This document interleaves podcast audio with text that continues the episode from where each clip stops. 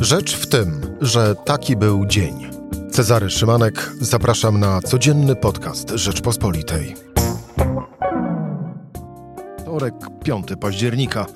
Można zacząć tak. Ceny rosną jak szalone. Albo tak. Mieszkania w drugim kwartale tego roku były droższe o ponad 8% niż w 2020, a w porównaniu do 2015 roku droższe były o 45%. Kolejna podwyżka cen gazu jest nieunikniona, zapowiedział dziś prezes Polskiego Górnictwa Naftowego i Gazownictwa, a byli prezesi NBP i członkowie RPP apelują do obecnych władz Banku Centralnego, by jak najszybciej wydał wojnę inflacji. Ta, dla przypomnienia, we wrześniu wyniosła 5,8%. A prezes Adam Glapiński e, chce nowego banknotu 1000 złotych. Drożyznę spróbuję ogarnąć w rozmowie z Krzysztofem Adamem Kowalczykiem z działu ekonomicznego Rzeczpospolitej. To już za chwilę. Rzecz w tym, że zapraszam Cezary Szymanek. Słuchaj na stronie podcasty.rp.pl. Włącz Rzecz w tym w serwisie streamingowym. Krzysztof Adam Kowalczyk, dział ekonomiczny Rzeczpospolita. Moim i Państwa e, gościem. Krzysztof, dzień dobry. Dzień dobry Państwu. Banknot 1000 złotowy, od tego zacznijmy. To takie marzenie prezesa Adama Glapińskiego na jego e, drugą e, kadencję.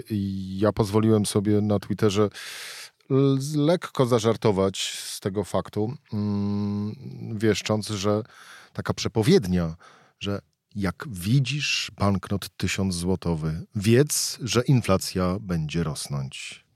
No i to prawda, niestety, niestety to prawda, bo tak naprawdę to, czy banknot 1000 złotowy jest Polakom do czegoś potrzebny. Tym ja bardziej, życiu... że tak naprawdę y, właściwie płacimy elektronicznie. Tak, głównie elektronicznie płacimy, przynajmniej w miastach. E, natomiast e, taki banknot jak 500 zł, który od jakiegoś czasu jest w obiegu, jaka część z Państwa miała go w ręku? Ja nigdy. Ja nie też. widziałem go na żywo nigdy w życiu. Nigdy ja w życiu. Czyli e, w tej próbie losowej, e, statystycznej 100% obywateli nie miało go w ręku. Więc e, tym bardziej banknot 1000 złotowy nie kojarzy mi się jako coś, co, czego bym używał, no chyba, że prezes przewiduje tak wysoką inflację. Chociaż cały czas opowiada, że ona jest przejściowa. No właśnie. Pytanie, bo... czy ona przejdzie do czy przypadkiem nie przejdzie do kolejnego etapu, na przykład dwucyfrowego. Albo Odpukać nie przejdzie do historii jako najwyższa inflacja, z którą mieliśmy do czynienia po 1989 e, roku. Skończmy już ten wątek e, prezesa Glapińskiego i banknotu 1000 złotowego, bo w mediach społecznościowych faktycznie e, ta zapowiedź prezesa stała się przyczynkiem do żartów z inflacji, a sytuacja jest taka, że no, raczej do żartów skłonni nie jesteśmy. 5,8% to wynik inflacji za E, wrzesień. Jeżeli Rada Polityki Pieniężnej nie zrobi nic, to już z samej projekcji Narodowego Banku Centralnego wynika, że tak wysoka inflacja, która zapewne przekroczy 6%, to tak wysoka inflacja utrzyma się jeszcze w 2023 roku. Tymczasem w naszym regionie Europy, no dziś trzeci kraj podniósł stopy procentowe. Po Czechach, w Węgrzech teraz e, przyszedł czas na, e, na Rumunię. Na Rumunię. Dlaczego my tego nie robimy? Czy ty znajdujesz wytłumaczenie, Krzysztof, na to? No ponieważ, e, ponieważ członkowie Rady Polityki Pieniężnej, a szczególnie szef Narodowego Banku Polskiego czytają odnośny artykuł o podstawowych celach NBP, ale tylko jego drugą połowę zapominając e, tę drugą połowę, która mówi o wspieraniu polityki rządu, ale zapominają, że pierwsza połowa mówi e, tego, tego artykułu mówi o tym, że głównym celem Narodowego Banku Polskiego jest utrzymanie stabilności cen. A stabilność cen sam Narodowy Bank Polski, Rada Polityki Pieniężnej definiuje jako 2,5% inflacji rok do roku z możliwą taką średnioterminową odchyłką. Plus do, minus jeden punkt no, procentowy. Dokładnie. Od ponad pół roku jesteśmy poza z tą strefą dopuszczalnej odchyłki i oddalamy się nie widać e, możliwości, nie widać szans na to, e, że ta inflacja powróci do przynajmniej do strefy dopuszczalnych wahań. Ekonomiści, poważni ekonomiści mówią już o 7% na przełomie roku. Jak będzie 7%, Nie wiem, co będzie się działo e, w kolejnym roku, bo od 7% do 9% jest tylko krok, a od 9% do 10% jeszcze mniejszy, a później popłyniemy.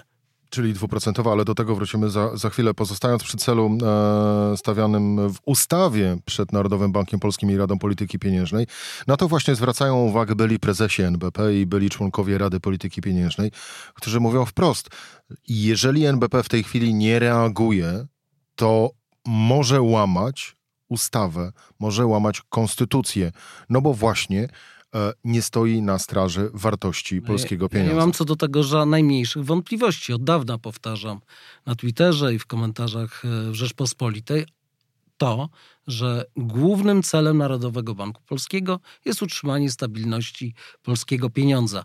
Narodowy Bank Polski, a szczególnie większość e, w Radzie Polityki Pieniężnej wprost mówi, że jej celem jest e, na przykład e, utrzymanie korzystnego kursu walutowego albo podtrzymanie procesów gospodarczych, które w gospodarce pozytywnego wzrostu, który zaczął odbijać po pandemii ja tam nie słyszę troski o to, o poziom cen.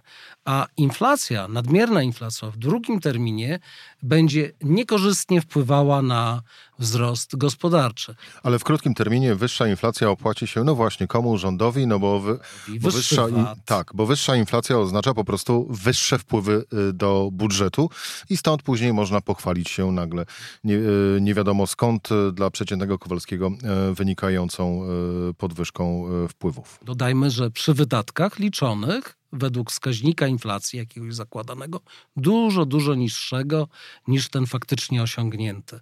W ten sposób rząd robi sobie taką przestrzeń e, na kolejne prezenty dla grup społecznych, które e, oznaczają się no, jakby dużym poparciem dla rządzącej Polską e, partii. Ale to można tak, w takim razie, Krzysztof, z tego wysnuć taki wniosek, że właściwie rząd przy pomocy Narodowego Banku Polskiego, no bo czyn zaniechania można też w tym momencie uznać jako y, pomoc. Tak, tak. E, to rząd przy pomocy Narodowego Banku Polskiego z inflacji uczynił sobie taką maszynkę do zarabiania pieniędzy.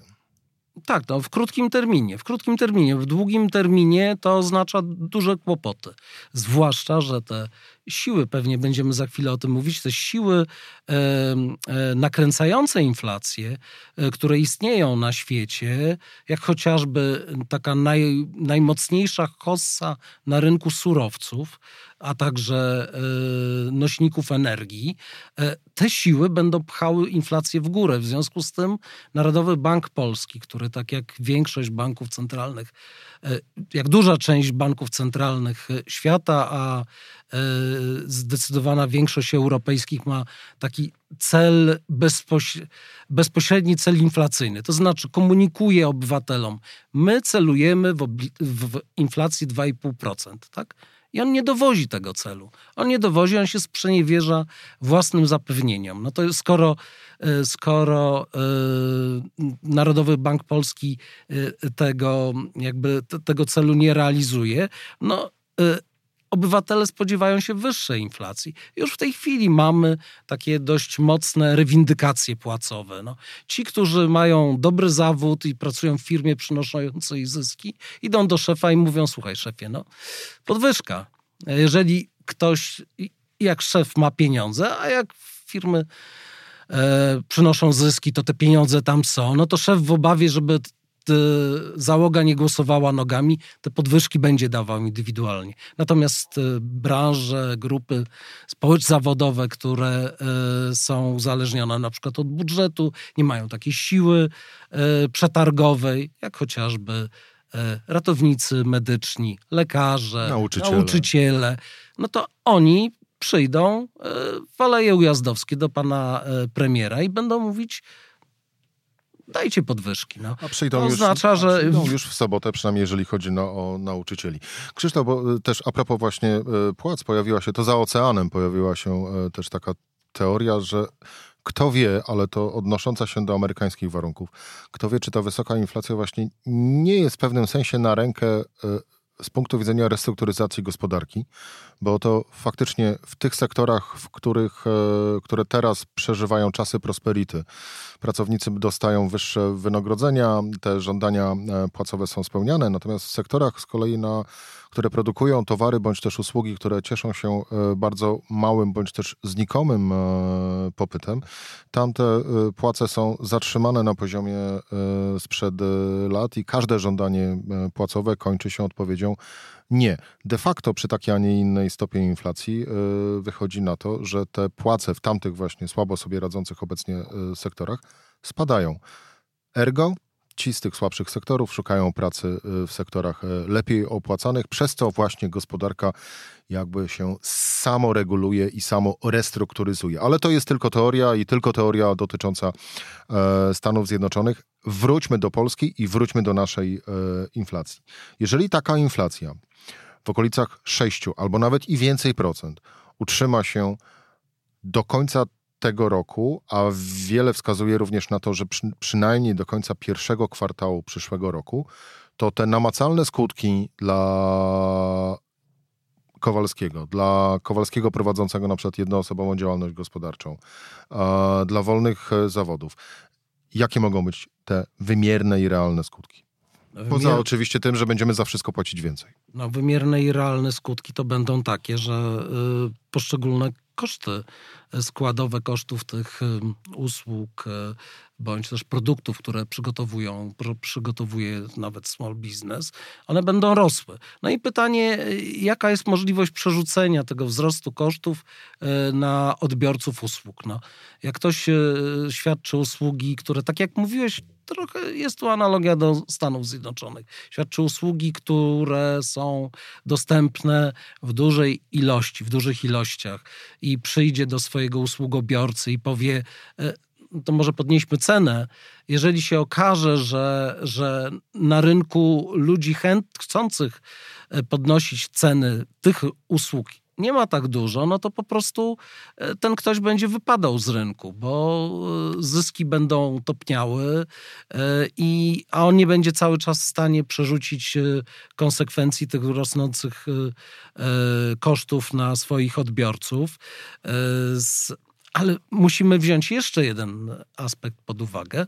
No, ten e, planowany, planowaną rewolucję podatkową zwaną Polskim Ładem. No, no właśnie, wice, no właśnie. Były wicepremier Jarosław Dokładnie. Gowin e, no, faktycznie od czasu odejścia z rządu y, mówi szczerze, a szczerze mówiąc o przyjętym projekcie Polskiego Ładu przez Sejm, Jarosław Gowin mówi wprost, to będzie kolejny przyczynek do tego, że za wszystko będziemy płacić jeszcze więcej niż teraz. No tak, bo koszty generowane przez państwo, przez regulacje, chociażby składki zdrowotne, znacznie wzrosną i one, ten wzrost będzie dotyczył wszystkich. Jak będzie dotyczył wszystkich, to ci wszyscy, nawet jeżeli tych ich usług, ich produktów jest dużo na rynku, E, i można sobie wybierać, ale jeżeli oni wszyscy mają taki wzrost kosztów, to, to jest oczywiste, jak dwa razy dwa, cztery, oni podnoszą, podniosą ceny i nie wypadną z rynku, bo po prostu ich odbiorcy nie będą mieli e, szansy na wyszukiwanie tańszych, znacząco tańszych, którzy w związku z tym cen nie podniosą. A sądząc po tym, e, jak wyglądają zmiany podatkowe, które są jeszcze przed Senatem, mam nadzieję, że Senat zachowa się porządnie i je odrzuci. E, to, y, ale gdyby y, one miały wejść w życie, to będzie oznaczało znaczną podwyżkę kosztów dla tych wszystkich, którzy y, są na rynku, są przedsiębiorcami, świadczą usługi, e, coś, coś produkują i się opodatkowują jako indywidualni przedsiębiorcy, jako osoby fizyczne. Myślisz, że e, zbierając to wszystko w jedną całość, mm, w ekonomii jest takie pojęcie jak stagflacja, czyli wysoka inflacja przy bardzo niskim e, i wytłumionym wzroście produktu krajowego brutto, czyli tempie, w którym się rozwijamy. Myślisz, że widmo stagflacji jest w Polsce realne? No, ekonomiści to powtarzają. No, jest to straszne słowo na S, ale coraz częściej pojawia się w tweetach. To jest słowo też, które bardzo blisko leży obok słowa kryzys. Dokładnie, tak. No, no bo to jest rodzaj kryzysu. Rodzaj kryzysu, y, który jest bardzo nieprzyjemny, ponieważ gospodarka nie rośnie, rosną natomiast w ponadprzeciętnym y, wymiarze ceny i z czymś takim mieliśmy do czynienia y, w Europie, w Europie, nie w Polsce. Mieliśmy w Polsce inny system. W Europie i w Stanach na świecie mieliśmy w okresie, w latach 70., kiedy to po pierwsze kryzys, pierwszy kryzys naftowy, a później rewolucja irańska sprawiła, że ceny y, ropy naftowej tak wystrzeliły, że to pobudziło y, procesy inflacyjne na długo na długo. Ta inflacja sprawia, nadmierna inflacja sprawia, że e, siła nabywcza ludzi maleje. Jak siła nabywcza ludzi maleje, to oni nie kupują. Jak nie kupują, to produkt krajowy brutto nie rośnie. Jak nie rośnie, przy wysokiej inflacji co mamy? Mamy stagflację. Odpukać, aby się nam to nie przydarzyło, bo wychodzenie z niej też nie jest przyjemne. Musi przyjść taki pan e, który e, jak pan Volker, jak szef rezerwy federalnej, który w drugiej połowie lat 70 E, sprawował e, funkcję przewodniczącego Fedu. E, i on w którymś momencie powiedział dość, ponieważ w Stanach Zjednoczonych inflacja wzrosła od 1% do 14% w 80 roku. W 79 roku drastycznie Fed podniósł stopy procentowe, skończyło się recesją, wysokim bezrobociem, bodaj najwyższym od czasu II wojny światowej, ale gospodarka później zaczęła wychodzić na prostą, ale to było bardzo bolesne. Dlatego bardzo należy uważać, żeby nie pozwolić inflacji na wejście na te górne diapazony. Dlatego ekonomiści się obawiają tego. E, że, że tak te ceny w sposób niekontrolowany rosną. No właśnie, bo później tak naprawdę będzie można... A później to bardzo... będzie bolało bardziej niż teraz. A teraz bardzo łatwo można przeoczyć e, moment, w którym jeszcze ową inflację można zatrzymać. Ja specjalnie na początku e, nie, nie wrzuciłem tematu przyczyn inflacji do naszej rozmowy, bo zostawiłem go na koniec. Z prostego powodu, bo wiele wskazuje na, właściwie można założyć bardzo dużą dozą prawdopodobieństwa, że tak naprawdę dobre rozpoznanie przyczyn e, w prosty sposób przyniesie nam e, remedium na wyjście z tej, e, z tej sytuacji. No bo samo podniesienie stóp procentowych nie wystarczy tak naprawdę. Więc szukając przyczyn, to wszyscy oczywiście od razu powiedzą, no to jest masowe drukowanie pieniędzy. Dwa, to właściwie też chyba możemy już mówić o tym w ten sposób. Kryzys na e, rynku energetycznym na całym świecie już właściwie, czyli drożejące ceny gazu, ropy naftowej. Mm, skazałbyś na jeszcze na inne? Drożejące ceny innych surowców. Wychodzimy z tej pandemii w taki sposób e, dość ciekawy, bardzo dynamiczny na całym świecie. E, I, I, nagle okazało się, że gospodarka e, nie nadąża z dostarczaniem towarów, tak jak przez lata przez naście lat nadążała. Ile te banki, główne banki centralne nie nadrukowały w cudzysłowie tych pieniędzy, to gospodarka nadążała, bo były takie Chiny, które były w stanie wyprodukować dowolną ilość dowolnych produktów dowolnie szybko. Nie? Bo były by, mieli, miały dostęp do surowców, inni producenci też. W efekcie ta od, odpowiedź na masę pieniądza pojawiającą się na rynku była dość szybka, gwałtowna dzięki, dzięki globalizacji. A teraz mamy do czynienia po pierwsze z taką fragmentaryzacją rynków, która wynika z tego, że ze względów logistycznych, bo, e, bo kontenery są nie tam, gdzie towar, Albo który należy. Ceny fraktów wzrosły kilkukrotnie. Dokładnie, krótko kilkukrotnie, albo nie handlujemy już z Chinami jakimiś produktami, albo e, jakimiś surowcami, albo z jakimiś innymi państwami ze względów politycznych.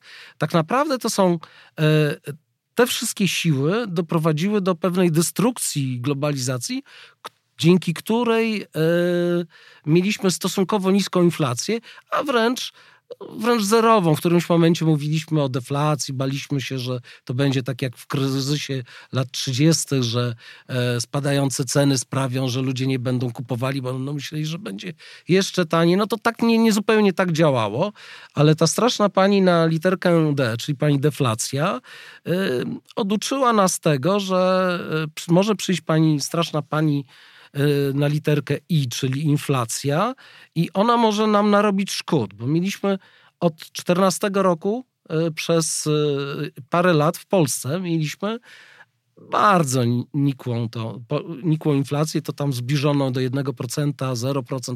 Po, poniżej 2% to praktycznie nie zauważamy inflacji. Dlatego bankierzy centralni mówią, stąd się wziął cel inflacyjny, ten bezpośredni, na przykład Europejskiego Banku Centralnego. Bo 2% to jest taka inflacja, która konsumentom za bardzo nie szkodzi, e, a pomaga gospodarce chociażby e, sprawić, że te wzajemne e, relacje kosztów płac, na przykład cen produktów się jakoś wyrównują, bo pamiętajmy, że obniżyć płace jest bardzo trudno. Bardzo trudno. Więc lepiej, jak ta umiarkowana inflacja obniża w tych płace powoli w tych branżach, które nie nadążają, bo te, które nadążają, są zyskowne, to one dają podwyżki i, i, i, tam, y, i tam ta inflacja, ta mała nie jest y, w ogóle jakby zauważalna. Natomiast y, w tych branżach, które nie nadążają, no to daje taką szansę na restrukturyzację, ale bardzo powoli i tak dalej. No i tak, jak ona przekroczyła 2%, a u nas 2,5% i później się grzeje w górę. Krzysztof, to, to na koniec... Robi się gorąco i bardzo nieprzyjemnie. No to Krzysztof, w takim razie na koniec podstawowe pytanie. Inflacja w październiku wyniesie? 6,1. Zapisane w kajecie, yy, sprawdzimy. Krzysztof Adam Kowalczyk, dział ekonomiczny Rzeczpospolitej. Dziękuję Ci bardzo za rozmowę. Dziękuję bardzo. Była rzecz w tym we wtorek. Cezary Szymanek do usłyszenia jutro o tej samej porze.